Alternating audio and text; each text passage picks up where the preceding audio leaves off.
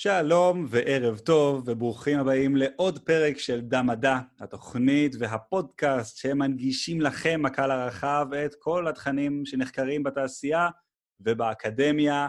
לא היה צריך לעשות שיעורי בית, לא היה צריך לקרוא חומר מלפני, אנחנו מנגישים לכם את כל הנושאים הללו מהרמה הבסיסית ביותר. היום מתארח אצלנו בתוכנית סיים דוקטורט באוניברסיטת בן גוריון והמשיך לפוסט-דוק ב-UCSF שבסן פרנסיסקו, והיום הוא ראש מעבדה באוניברסיטת בן גוריון, וחוקר במשפט אחד גנומיקה ומעורבות של אזורי בקרה במחלות גנטיות התפתחותיות. כמובן שאנחנו נסביר מה כל דבר אומר, אבל קודם כל נגיד ערב טוב לדוקטור רמון בירנבאום. ערב טוב, רמון. ערב טוב, ערב טוב לכולם. מה שלומך, רמון? אה, הכל טוב. במסגרת המצב של הקורונה, אה, הכל אה, מצוין. כן, כן. זה נגמר, ואנחנו בשלבי אה, חזרה לשגרה. זה כמובן, וכיף לשמוע, ובתקווה שלא יבוא הגל השני שמאיים עלינו. טוב, אז אנחנו ככה, מהקורונה נעבור, בעצם הצגנו לפני כמה שניות אותך, ואמרנו שמדובר, המחקר שלך מתעסק במחלות גנטיות התפתחותיות, אז בואו נדבר דבר ראשון על התפתחות בעצם.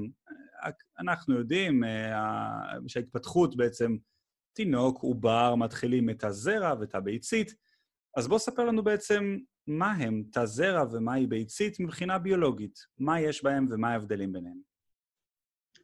אוקיי, okay, אז uh, בעצם בואו נתחיל על מנת לקבל uh, יצור, עובר, uh, שאחר כך, uh, במקרה שאנחנו מדברים על, על אדם, אז שיתפתח ממנו אורגניזם שלם, אדם שלם עם כל האיברים, אז אה, בעצם זה מתחיל בכך שנוצרת אה, זיגוטה. זיגוטה זה בעצם מפגש של תא זרע עם תא ביצה, ויש בעצם הפריה. ומהרגע הזה, שהם נפגשו, הם בעצם הופכים להיות עובר, שמהעובר הזה יתפתח לנו האדם השלם. אז אה, מה יש בעצם בתא זרע ובתא ביצה? אז יש לנו בעצם את הדבר העיקרי, אה, זה החומר הגנטי, החומר התורשתי, שקובע לנו בעצם אה, את התכונות של האדם, של אותו אורגניזם, ואחד הדברים המאוד מאוד מבחינתי מעניינים זה כל הנושא הזה של התפתחות, איך ה... הזיגוטה הזה, הזיגוטה הזאת היא בעצם, יש בה איזושהי תוכנית מאוד מאוד מסודרת, שמהתא אחד הזה יתפתח לנו אורגניזם שלם, ובעצם איפה נמצא כל המידע הזה, על מנת שזה פעם אחר פעם יקרה אותו דבר ויתפתח לנו האורגניזם השלם, עם כל האיברים ועם כל התפקודים שלו. אז זה חוזר עוד פעם, זה חוזר לחומר התורשתי, לחומר הגנטי, שבעצם אה, חצי, נאמר את זה ככה, חצי מהחומר התורשתי של אה, אדם נמצא בתא, בתא הזרע, וחצי נמצא אה, בביצית.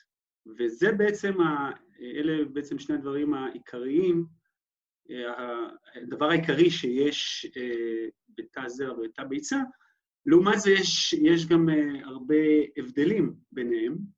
אחד זה בגודל עצמו, okay? אוקיי? תא הביצה הוא הרבה יותר גדול לעומת תא הזרע, ובעצם uh, התא זרע הוא בעצם יפגוש, הוא זה שהוא הנייד והוא זה שיגיע בעצם לתא, לתא הביצה שהיא נמצאת אצל האישה, ויש פה איזשהו תהליך מאוד מאוד מעניין, שמכל תאי הזרע שבסופו של דבר מנסים להגיע לביצה, רק תא זרע אחד הוא בעצם אה, ייכנס, יצליח לחדור לתא הביצה ולהפרות אותה, ואז עוד פעם בעצם נוצרת הזיגוטה.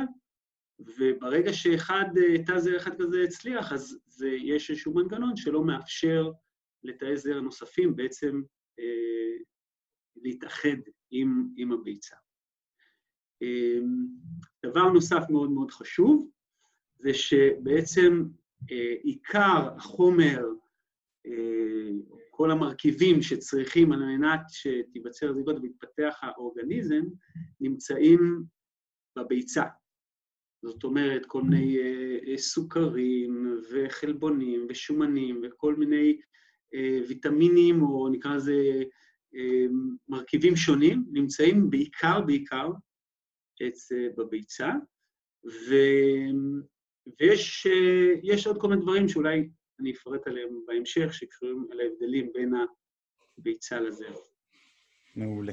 אז איך, איך אנחנו בעצם, אה, דיברת על הזיגוטה, שזה בעצם הביצית המופרית, איך באמת, ספר לנו, אתה יודע, את השלבים, איך באמת מביצית אחת מתפתח אה, תינוק שלם שעשוי ממיליוני ומיליארדי תאים. אוקיי, אז אולי אני אתחיל קודם כל רגע במה קורה עם החומר הגנטי. מעולה. אז בעצם, כמו שאמרתי, יש לנו, אה, החומר הגנטי הוא, הוא ארוז, אה, או, מה זה בעצם החומר הגנטי? החומר הגנטי זה חומצות גרעין.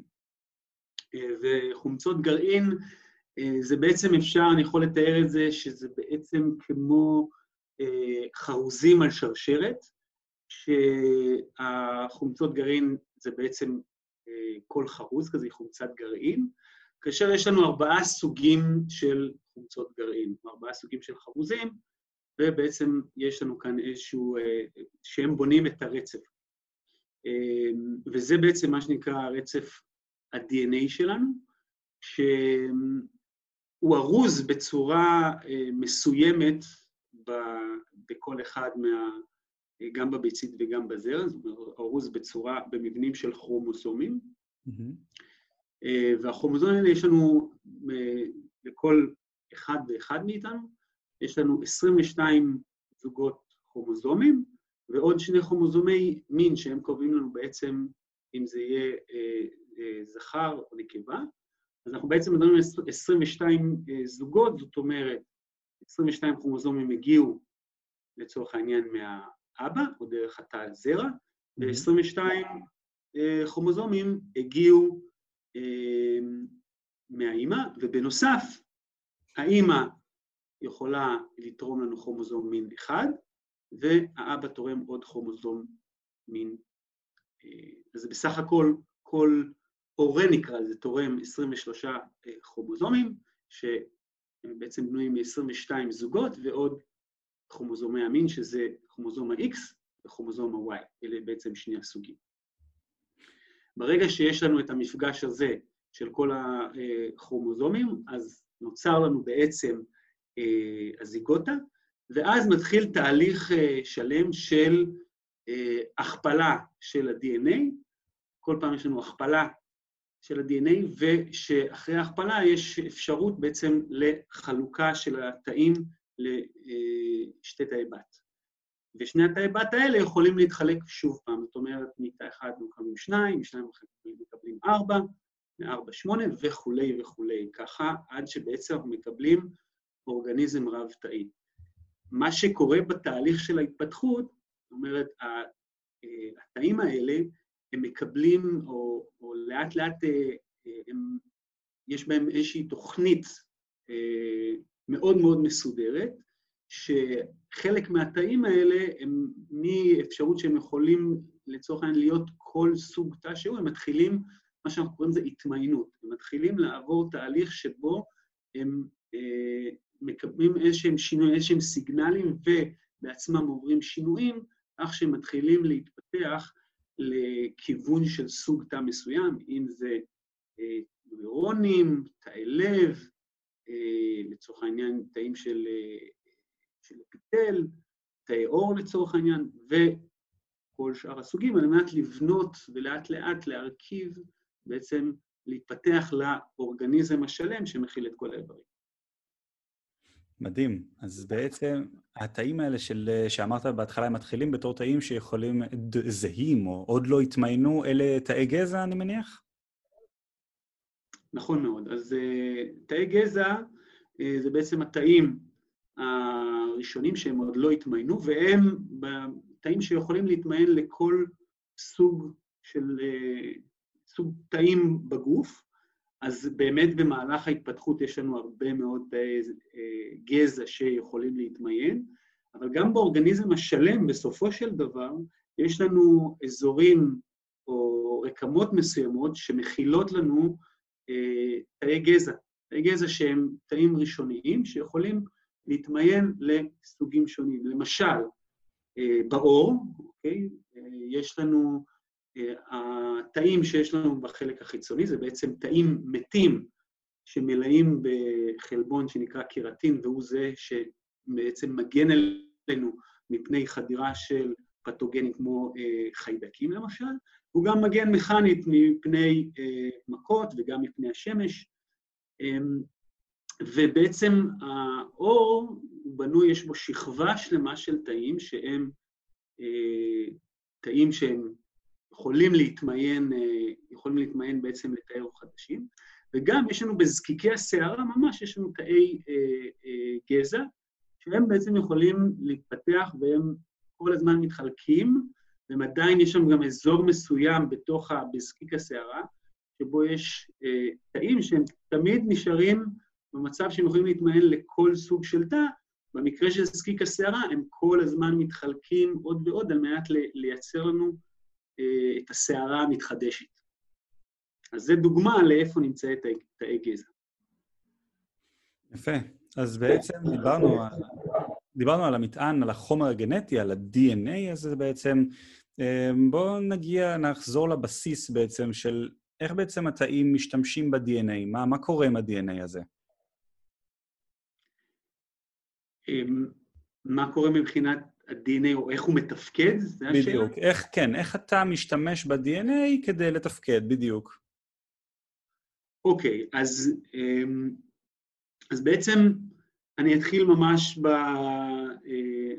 ב, ב איזה מידע בעצם נמצא ואיך הוא מתורגם ובסופו של דבר מתבטא בתאים. מעולה. אז בעצם הדוגמה הבסיסית היא, זה שהמידע שנמצא על חומצות הגרעין הוא בעצם אה, עובר תהליך שנקרא אה, שיעתוק, אה, שבו על בסיס המידע שיש ב-DNA נוצרת לנו מולקולה שנקראת RNA, והמולקולת RNA היא גם, היא מולקולה שגם בנויה מחומצות גרעין קצת שונות, ו...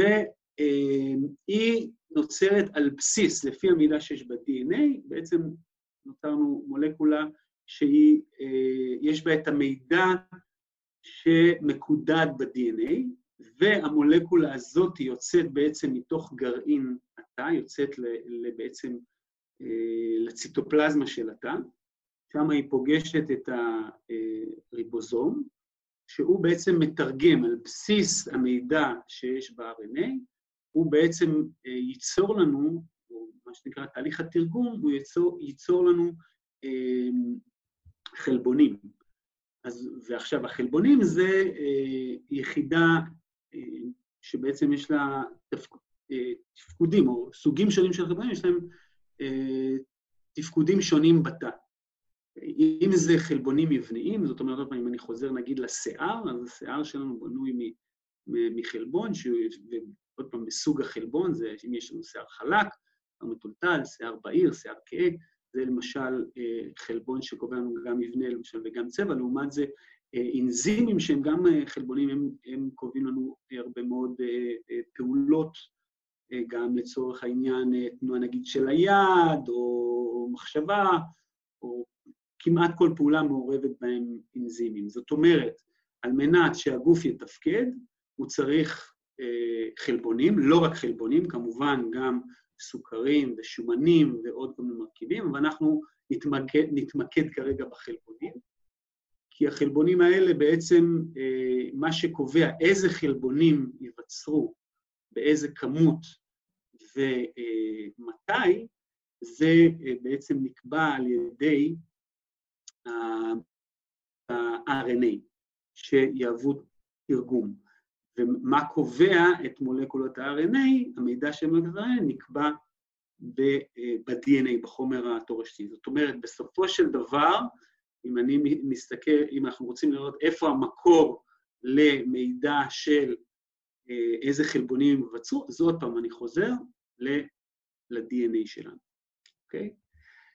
עכשיו, מה שהתגלה מאוד מאוד, אה, זה היה מאוד מאוד מעניין, זה שהם יש לנו לאחר שהצליחו בעצם, היה את הפרויקט הגנום האנושי, שבפרויקט הזה בעצם ריצפו את הגנום האנושי, הכוונה היא, הבינו, בעצם גילו מהו הרצף של, של כל הגנום, מהו הרצף של כל ה-DNA שיש באדם מסוים, והסתבר שיש, שהחרוזים האלה, מספר החרוזים שיש לנו הוא שלושה מיליארד, זאת אומרת, כמות מאוד גדולה, שדחוסה או נמצאת בעצם בתוך גרעין, בתוך כל אחד מהתאים שלנו, והגילוי היותר מרעיש, בעיניי לפחות, זה שהסתבר שיש סדר גודל של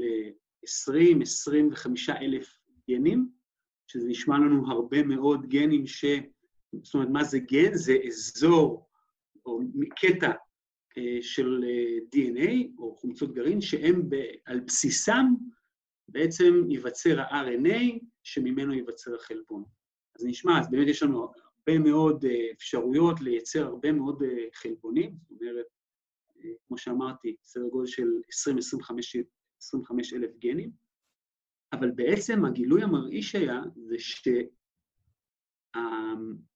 שאם אנחנו מסתכלים איזה אחוז מתוך הרצף של השלושה מיליארד הוא בעצם מקודד ל-RNA שיתורגם לחלבון, זה סדר גודל של פחות משני אחוז מהגנום. זאת אומרת, שיש לנו פה מעל 98 אחוז מהגנום, מהרצף, הוא בכלל לא מקודד ל-RNA ולא נוצר ממנו חלבון. אז מה קורה איתו? זאת אומרת, אנחנו, עד עכשיו סיפרת לנו באמת שמה-DNA שבגרעין התא נוצר לנו בתהליך השעתוק RNA שיוצא מחוץ לגרעין התא, ומה-RNA עובר דרך עברון שנקרא ריבוזום, ושם עובר תרגום, אבל אתה אומר שזה פחות, זה, זה בערך 2 אחוז, אז מה קורה עם השאר?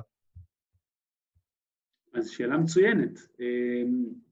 אז זה בעצם תחום המחקר שלי, אוקיי? זאת אומרת, זה אחד הדברים שכשאני סיימתי את הדוקטורט, ועבדתי אז על מחלות גנטיות ולהבין כיצד שינויים ברצף ה-DNA שמקודד לחלבון, משנה את רצף החלבון ויכול לגרום לחוסר תפקוד של חלבון מסוים ולגרום למחלה, אז בעצם מה שעניין אותי זה מה בעצם מסתתר בתוך הרצפים האלה שלא מקודדים לחלבון, ומה התפקוד שלהם.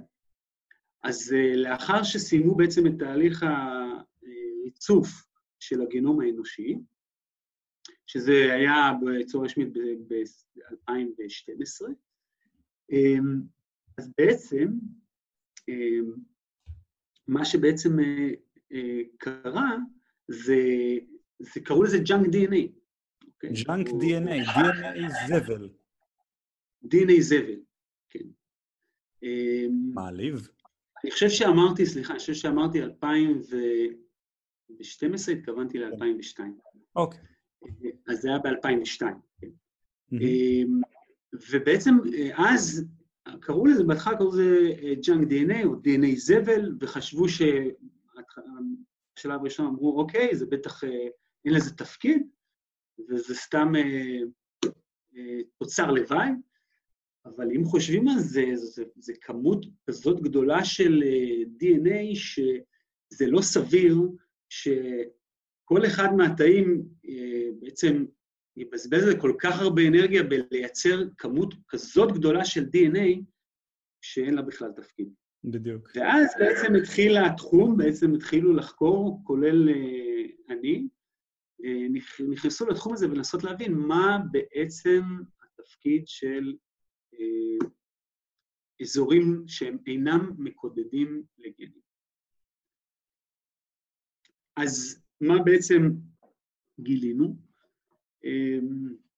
זה היום אחד הדברים ש, שברור שיש בתוך האזורים האלה, זה שבעצם אזורי בקרה.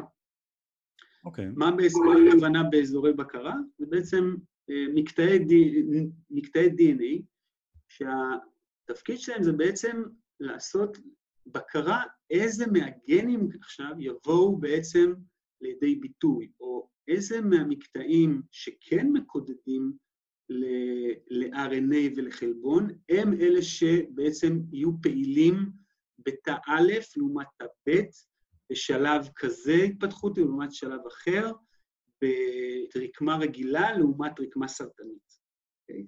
אז אני חושב שהאנלוגיה הכי אה, מעניינת, או הכי טריוויאלית לזאת, זה, זה להגיד, אוקיי, אם ניקח שלמשל הגן זה מנורה, בסדר? ומה שהגן מייצר, הוא מייצר בעצם חלבון, או הוא מייצר לנו את האור, אז יש לנו בעצם אה, סוויצ'ים כאלה, אוקיי? שידליקו לנו, יכולים להדליק לנו את האור, ולא רק סוויצ'ים של on and off, אלא סוויצ'ים של מיר שיכולים להכווין לנו גם את העוצמה. בעצם זה, אנחנו מדברים שיש בתוך האזורים הלא מקודדים, יש לנו מקטעי DNA, שהתפקיד שלהם הוא בעצם אה, לשלוט ולבקר איזה מהגנים אה, יפעלו עכשיו, איזה גנים יתבטאו וייווצר מהם RNA ואחר כך חלבון, ומאיזה לא. זאת אומרת, גם הפעלה וגם השתקה. איפה זה באמת אה, בא לידי ביטוי, או למה זה חשוב? אם אנחנו מדברים עכשיו על תפקוד של שני תאים, לצורך העניין, תא עצב במוח לעומת תא לב, בשניהם יש לנו את אותו DNA, שני התאים האלה בעצם מתפקדים בצורה שונה, או צריך בהם, בהם, בכל אחד מהם צריך חלבונים שונים שיבואו לידי ביטוי. איך זה נקבע? זה מה שכאן נכנס לפעולה, זה באמת מה שאמרתי, הסוויצ'ים האלה שאנחנו קוראים להם איננסרים, שזה עוד פעם מקטעי DNA קצרים, שיודעים בעצם בצורה כזו או אחרת להפעיל את הגנים, למשל בתא עצב הם יודעים להפעיל גנים שחשובים לפעילות חשמלית, ולהשתיק את הגנים שחשובים לפעילות לבבית, והפוך, בתא לב הם ידעו להפעיל את הגנים שחשובים לתא לב, אך ישתיקו את הגנים שקשורים לפעילות לבבית. וכמובן שאני מפשט את כל, ה, כל התהליך הזה. כן, עולם הגנטיקה או הגנומיקה באמת עולם מאוד מאוד מורכב, וכמו שאמרנו קודם, אתה עשית בזה גם דוקטורט, גם פוסט, זאת אומרת, זה עולם באמת שלם, ובאמת הסברת את זה מאוד מאוד יפה. אז הזכרת את האינהנסרים, המגבירים בעצם. איך הם קשורים להתפתחות עוברית, אם, אם על זה התחלנו לדבר מקודם? כן, אז, אז עוד פעם, אינהנסרים, אז, אז מה שהם בעצם יודעים לעשות, הם...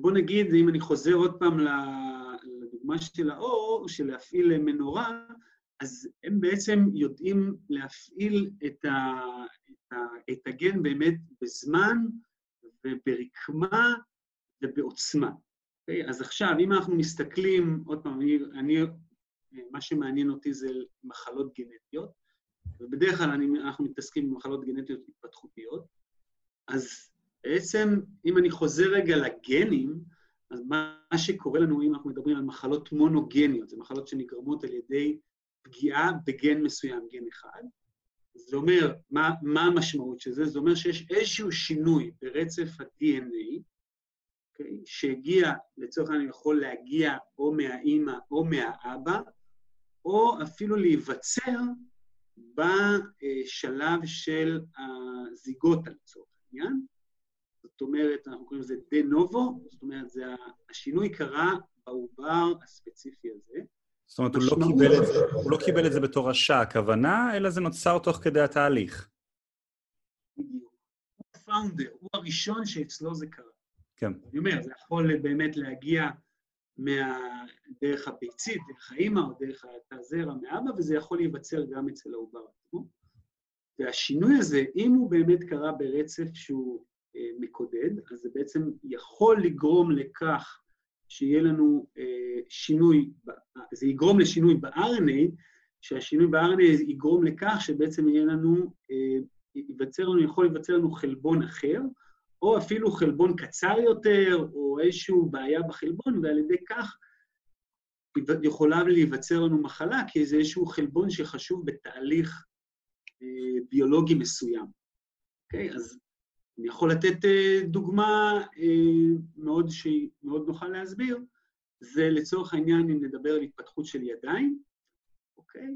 אז אני מניח שהרבה שמעו, ראו, אנשים שאולי יש להם יותר, אצבע, יותר מחמש אצבעות, אוקיי? זאת אומרת, אנחנו קוראים אצבע נוספת, זאת אומרת, זה נקרא פולידקטילי. אז הסיבה שיכולה להיווצר, להיווצר פולידקטילי היא למשל איזשהו שינוי באיזשהו גן מסוים, שברגע שיש את השינוי בגן הזה, זה גורם לכך שיש חלבון שהוא לא מתפקד לצורך העניין, ועקב כך, במקום שייווצרו חמש אצבעות, נוצרות שש אצבעות. אז זה למשל, ב... עד עכשיו דיברתי איתכם על שינוי אה, בגן, כן. באזור מקודם.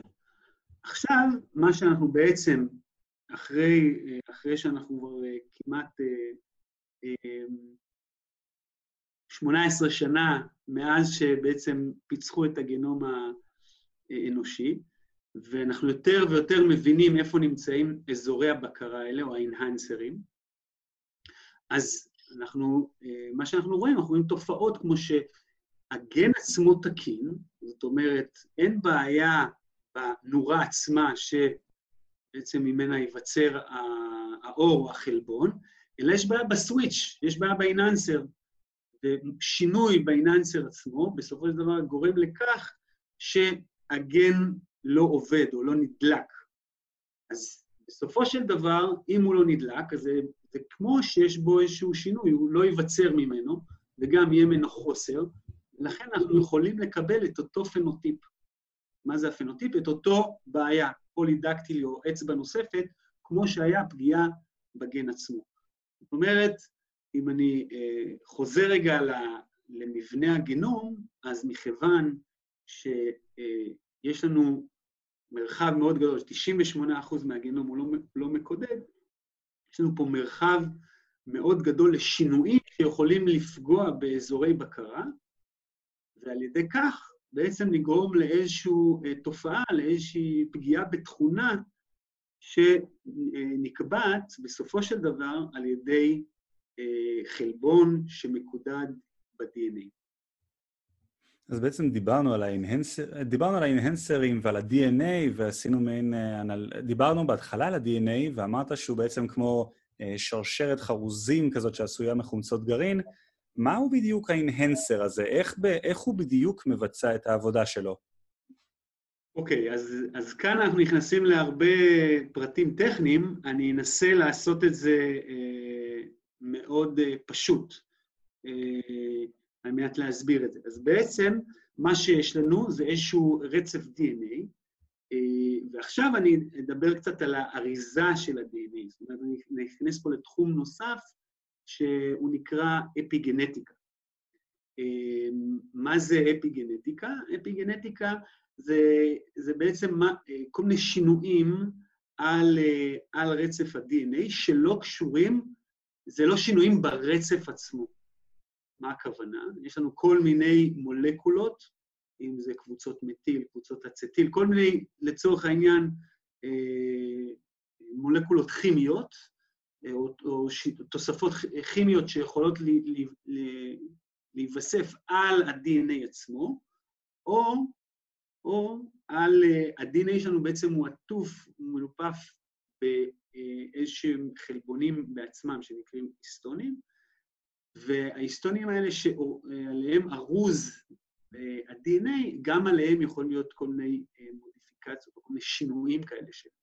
ולכן, בעצם מה שאנחנו מדברים פה זה על איזשהו אה, תהליך שבו על מנת שרצף DNA מסוים יעבוד כאיננסר, או כדי שהוא אה, יפעל ויפעיל איזשהו גן, יש פה כמה תהליכים שצריכים לקרות. אחד, זה צריך להיקשר אליו, כדי שהוא, כדי שהוא יפעיל את הגן המסוים, צריכים להיקשר אליו מה שאנחנו קוראים להם פקטורי שעתוק. איזה שהם חלבונים שהם נקשרים אליו, נקשרים לרצף DNA הזה, ובצורה הזאת הם יכולים אה, להפעיל את הגן. אז כדי שזה ייקשר אליהם, האזור הזה, איפה שנמצא המקטע של האיננסר, הוא צריך בעצם להיפתח. זאת אומרת, אם הוא ארוז, כמו שאני אומר, הוא ארוז, ה-DNA הוא ארוז סביב אה, היסטונים שבונים את הנוקלאוזום, אבל נכנס קצת, נראה לי, יותר מדי פרטים, אז האזור הזה הוא מאוד מאוד דחוס, הוא יכול להיות מאוד מאוד סגור ו... ו... ודחוס, אני אקרא לזה, ועל ידי כך בעצם האיננסר הזה לא יכול לפעול, זאת אומרת, הסוויץ' לא יפעל. לעומת זה, אם הנוקלוזומים האלה זזים הצידה ונפתח, האזור של ה-DNA הזה נפתח, אז פקטורי השעתוק יכולים להיקשר, ובעצם להפעיל את אותם גנים. זאת אומרת, בסופו של דבר, המקטע הזה של האיננסר הזה, אה, כדי שהוא יעבוד, אז יש בעצם כמה דברים שצריכים לקרות, וכאן בעצם לאן שאני, לאן שאני רוצה, מה שאני רוצה להגיד זה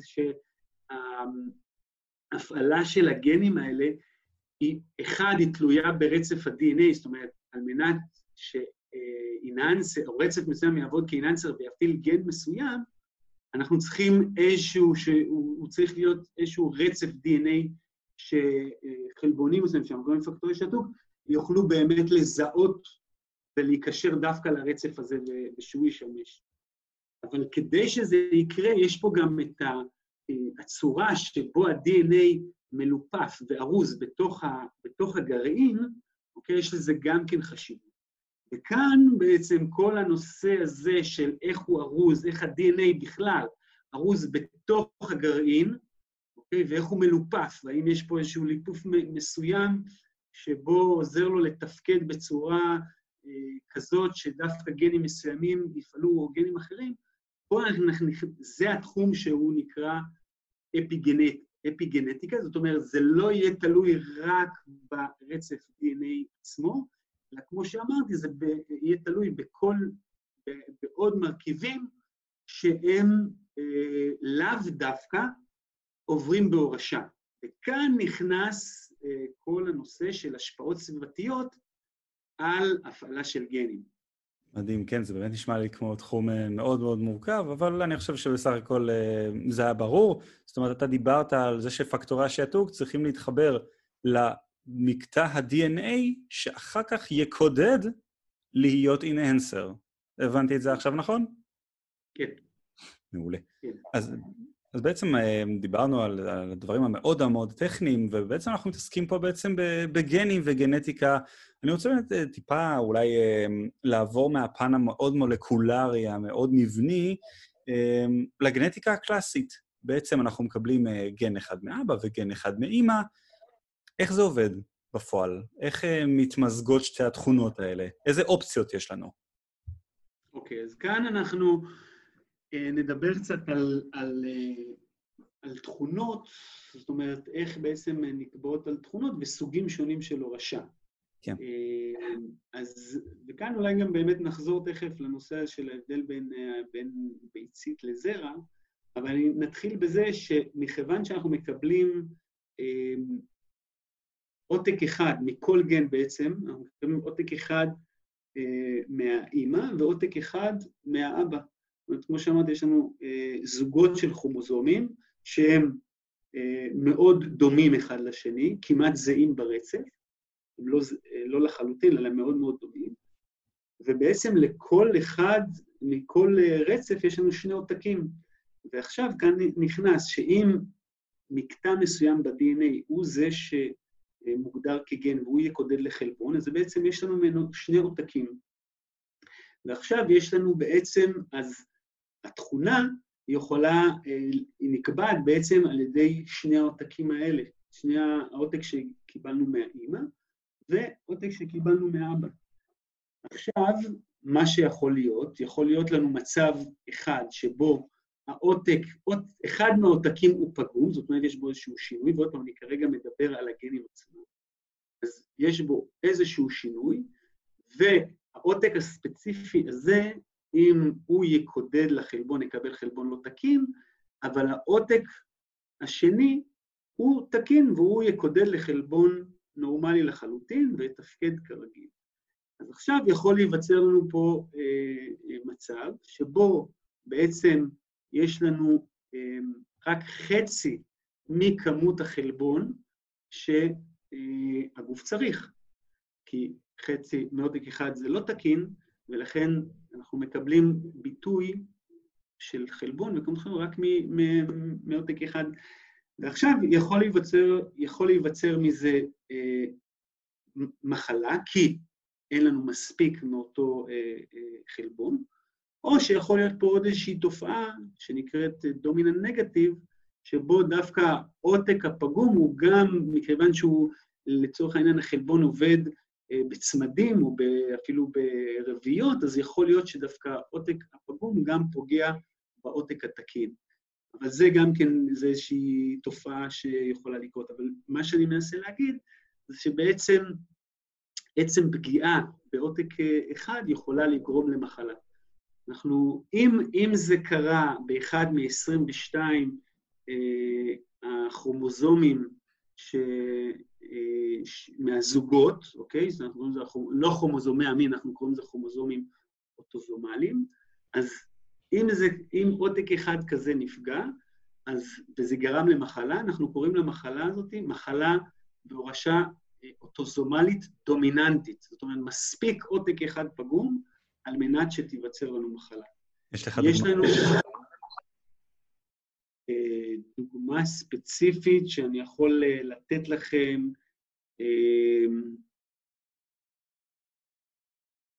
לא כרגע, לא תיזכר בהמשך.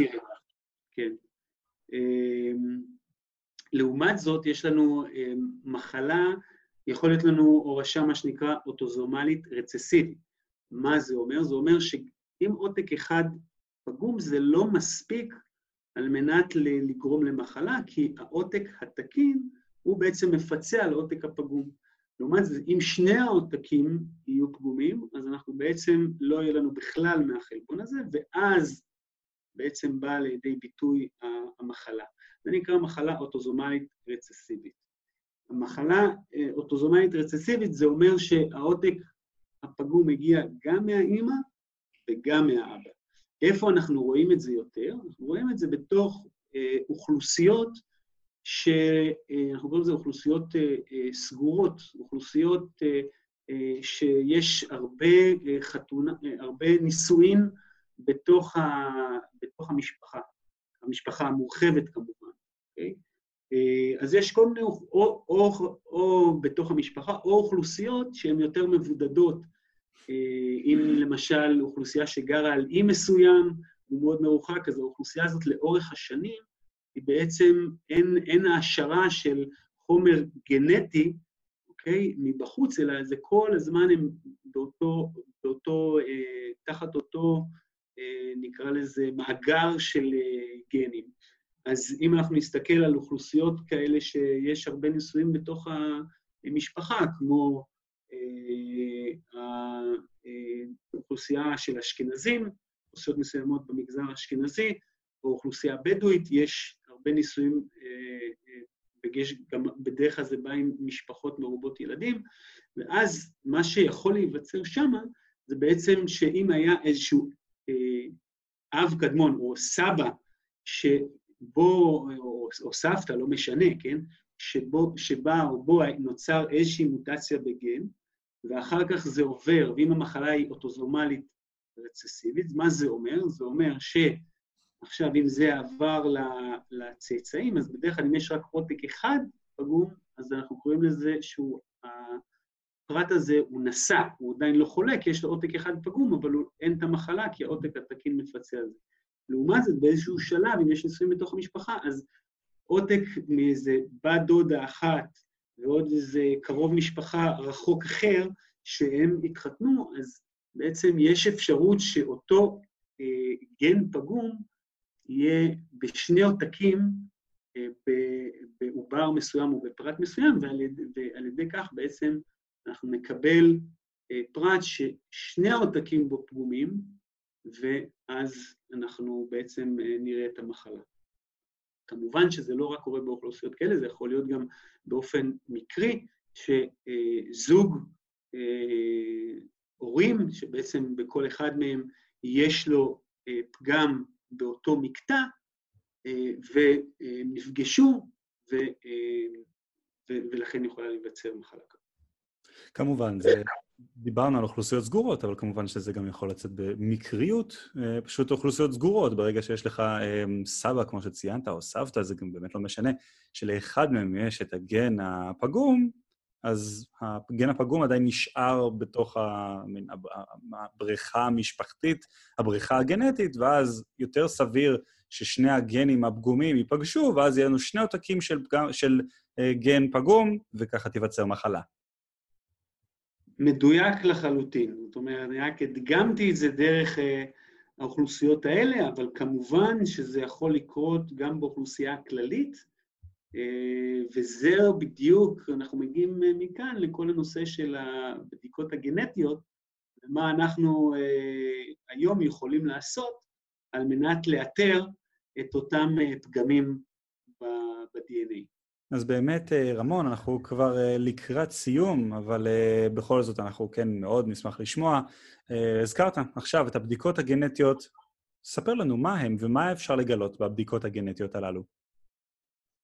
אז בעצם האפשרויות היום, קודם כל מבחינת אבחון, זה שאפשר לעשות כל מיני בדיקות, והאמת שהאפשרויות הן כמעט בלתי מוגבלות היום, על מנת לדעת איזה, מה הסיכוי ומה, איזה מחלות יכולות להיות במשפחה מסוימת וגם לגבי הפרט עצמו, או אותו עובר ש... אז בעצם מה שאנחנו מדברים, מכיוון שכל התהליך או כל הבדיקות האלה היום הן מבוססות על טכנולוגיה שנקראת טכנולוגיה של ריצוף ה-DNA, או הרבה מהם, אני לא אומר עוד פעם, זה לא, לא, כל ה, לא כל השיטות, כי יש לנו עוד כל מיני שיטות, אבל בסופו של דבר, מה שאפשר היום לעשות, אם זה בדיקת, למשל, סיסי שליה או, או מי שפיר, שאלה בדיקות שאנחנו לוקחים, דוגמים תאים מהעובר עצמו, אוקיי? אם למשל אנחנו מדברים על מי שפיר, אז בבדיקת מי שפיר, מה שעושים זה בעצם, תחת אולטרסאונד כמובן, מכניסים מחט ושואבים מעט ממי השפיר.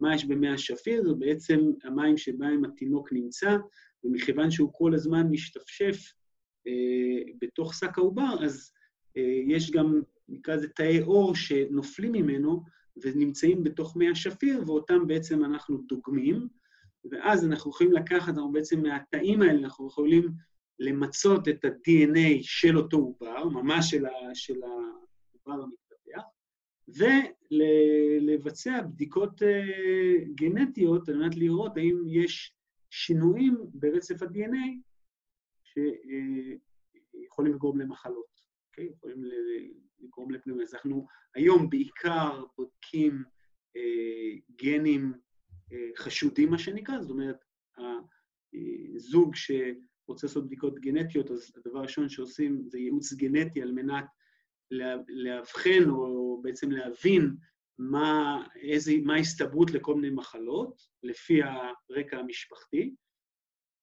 ואז באמת לעובר עצמו אפשר לעשות בדיקות נקודתיות לגנים שיודעים שהם מעורבים במחלה מסוימת שיש, אולי שהוא יש או אין במשפחה. כן, זה דבר אחד, אבל היום אנחנו באמת יכולים לעשות מגוון מאוד מאוד גדול של בדיקות, ובעצם הטכנולוגיה מאפשרת לנו היום לרצף את כל ה-DNA ולדעת בדיוק מה הרצף של אותו, של אותו עובר. הבעיה היא באינטרפטציה של התוצאות. זאת אומרת, מכיוון שאנחנו לא תמיד יודעים אם אנחנו, אם, אם זה באזור של גן, אז כמובן שיותר קל לנו להבין מה המשמעות של שינוי כזה, אבל אם אנחנו חוזרים עוד פעם לאזורים שהם לא מקודדים, אז לא תמיד השינוי, אנחנו יכולים להגיד אם הוא זה שיגרום למחלה או לא. אנחנו לא תמיד יודעים מה, אני דיברתי על אינהנסרים, כן? אבל לא תמיד אנחנו יודעים, הוא לא תמיד חייב ליפול, השינוי הזה בתוך אינהנסר, או ברצף מסוים שאנחנו מבינים מה התפקוד שלו, ולכן אנחנו לא, לא תמיד יודעים מה המשמעות. אז היום, מה שדיברתי, אלה הבדיקות. יש כמובן אה, בדיקות אפילו מתקדמות יותר, כמו אה, שבעצם אפשר לקחת בדיקת דם ולהפריד, מתוך בדיקת הדם אפשר להפריד את ה-DNA של העובר, כי בעצם יש מעבר של DNA, של תאים, ולכן גם DNA בין האם לעובר, ולכן היום כבר לא חייבים לעשות את הבדיקות של מי שפיר וסיסי אלא אפשר לעשות דרך בדיקות דם. זה לא תמיד נותן מענה לכל הבדיקות שאנחנו מעוניינים בהן או צריכים לעשות, אבל זה פשוט בדיקה אפשרית שהיא פחות פולשנית. אז בעיקר מה, שאני, מה שאנחנו יכולים לעשות זה בעצם לאבחן ולדעת אם תהיה מחלה גנטית, או מה הסיכוי שתהיה מחלה גנטית, ובמקרים מסוימים, עוד פעם, שאפשר גם להפסיק את ההיריון, אבל אני לא נכנס כאן, זה שאלות אתיות וזה לא, זה כבר לא שאלה מחקרית, מה שנקרא. כן. ובעצם הדבר הנוסף זה שברגע שאנחנו יודעים מה הבעיה, אז אנחנו יכולים למצוא לה את הפתרון או את הטיפול. אם אנחנו לא נדע מה הבעיה, אנחנו בטח ובטח לא נוכל לדעת את הטיפול. אז כיום, או הבדיקות הגנטיות הן משמשות כאבחון, אבל בטכנולוגיות מתקדמות, שאני חושב אולי זה אה, מתאים להרצאה אחרת, אה, של ג'ינום אדיטינג או של מה שנקרא קריספר, אה, טכנולוג... אה, טכנולוגיות של קריספר, אפשר גם היום לשנות את ה-DNA ולתקן, במקרים מאוד מאוד מסוימים כיום, לתקן את הנזק שיש ב-DNA, ועל ידי כך בעצם... אבל זה לא משהו שעוד קיים בקליניקה. כן, בסדר, טוב, זה באמת, הוא באמת אה, דבר חדש יחסית, אבל הוא נחשב למאוד מאוד מהפכני. אה, טוב, רמון, אנחנו מגיעים לסופה של תוכנית נוספת של דמדע. יש לך איזשהו מסר או משהו שהיית רוצה להגיד לצופים ולמאזינים שלנו? אמ, קודם כל, תמשיכו ללמוד ולהשכיל. אה, אני חושב שתחום הגנומיקה הוא רק אה, בראשיתו. העתיד הוא באמת נראה מבטיח מבחינת ה... מה נוכל לעשות עם כל המידע הגנומי שיש ברשותנו, הן מבחינת אבחון והן מבחינת טיפולים. בעיקר נגיד נדבר על סרטן, אה, ולכן אה, זה הזמן לצלול וללמוד עוד ועוד על תחום הגנומיקה. תודה רבה לכם. בהחלט מתחבר עם המסר. הגענו לסופה של עוד תוכנית של דמדע. היום אירחנו את דוקטור רמון בירנבאום מאוניברסיטת בן גוריון, שסיפר לנו על גנטיקה ועל הגנטיקה שמאחורי ההתפתחות. תודה רבה לך, רמון, ותודה רבה לכם, למאזינים ולצופים. נשתמע, ביי ביי.